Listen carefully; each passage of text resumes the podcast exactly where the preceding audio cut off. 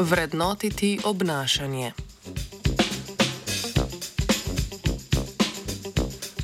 Ameriška raziskovalna skupina z Univerze v Michiganu je ustvarila odprtokodno spletno orodje za celostno spremljanje obnašanja laboratorijskih živali.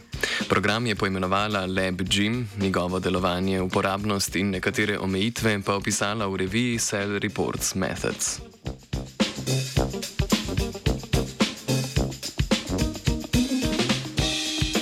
Poskusi na laboratorijskih živalih so nepogrešljiv del znanstvenega sveta. Med drugim nam omogočajo raziskovanje vpliva različnih dejavnikov, naprimer novih farmakoloških sredstev na njihovo vedenje. A pri identifikaciji vedenja ter oceni njegove intenzivnosti in trajanja se razmeroma pogosto dogajajo subjektivne napake.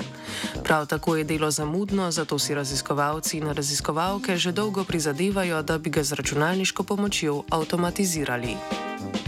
thank you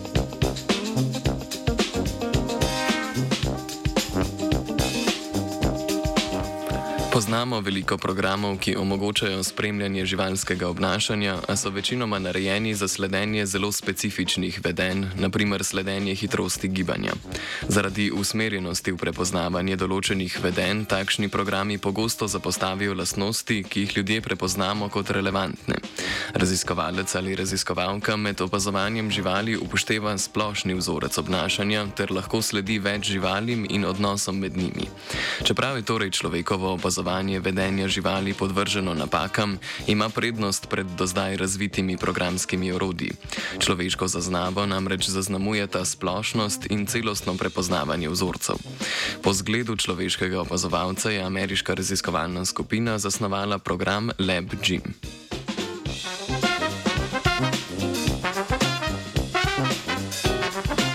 Program LabGym deluje na osnovi globoke nevronske mreže, ki jo moramo najprej naučiti prepoznavati živalsko vedenje. Prepoznavanje se uči na podlagi več posnetkov, ki prikazujejo različne oblike obnašanja. Program iz posnetka odstrani ozadje in sledi različnemu vedenju živali. Med učenjem prepoznava razlike med vzorci obnašanja, svoje izsledke pa poda v obliki kratkih posnetkov. Tem uporabnik določi vrsto vedenja. Uporabnikova povratna informacija v fazi učenja služi kot vodilo za nadaljne vrednotenje posnetkov.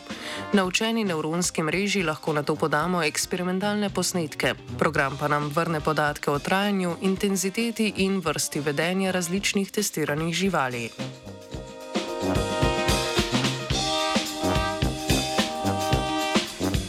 Raziskovalna skupina sicer v članku navaja tudi nekatere omejitve programa LabGym. Program so do zdaj uspešno uporabili samo pri opazovanju vinskih mušic, miši in podgan. Prav tako za svoje delovanje potrebuje statično ozadje, kar ga omejuje v primerih, ko se pri poskusih ozadje spreminja. Za zdaj slabo razloči med okončinami in telesom in ni organiziran za preučevanje socialnih stikov živali. Vendar avtorji in avtorice članka ostajajo optimistični in verjamejo, da bo program zaradi svojega uporabniku prijaznega značaja koristen.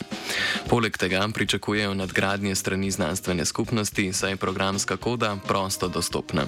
Ob koncu aprila naj bi že išla različica 2.0. Znanstveni Britov je pripravil vajenec Andraš. Gubicima koji... Three,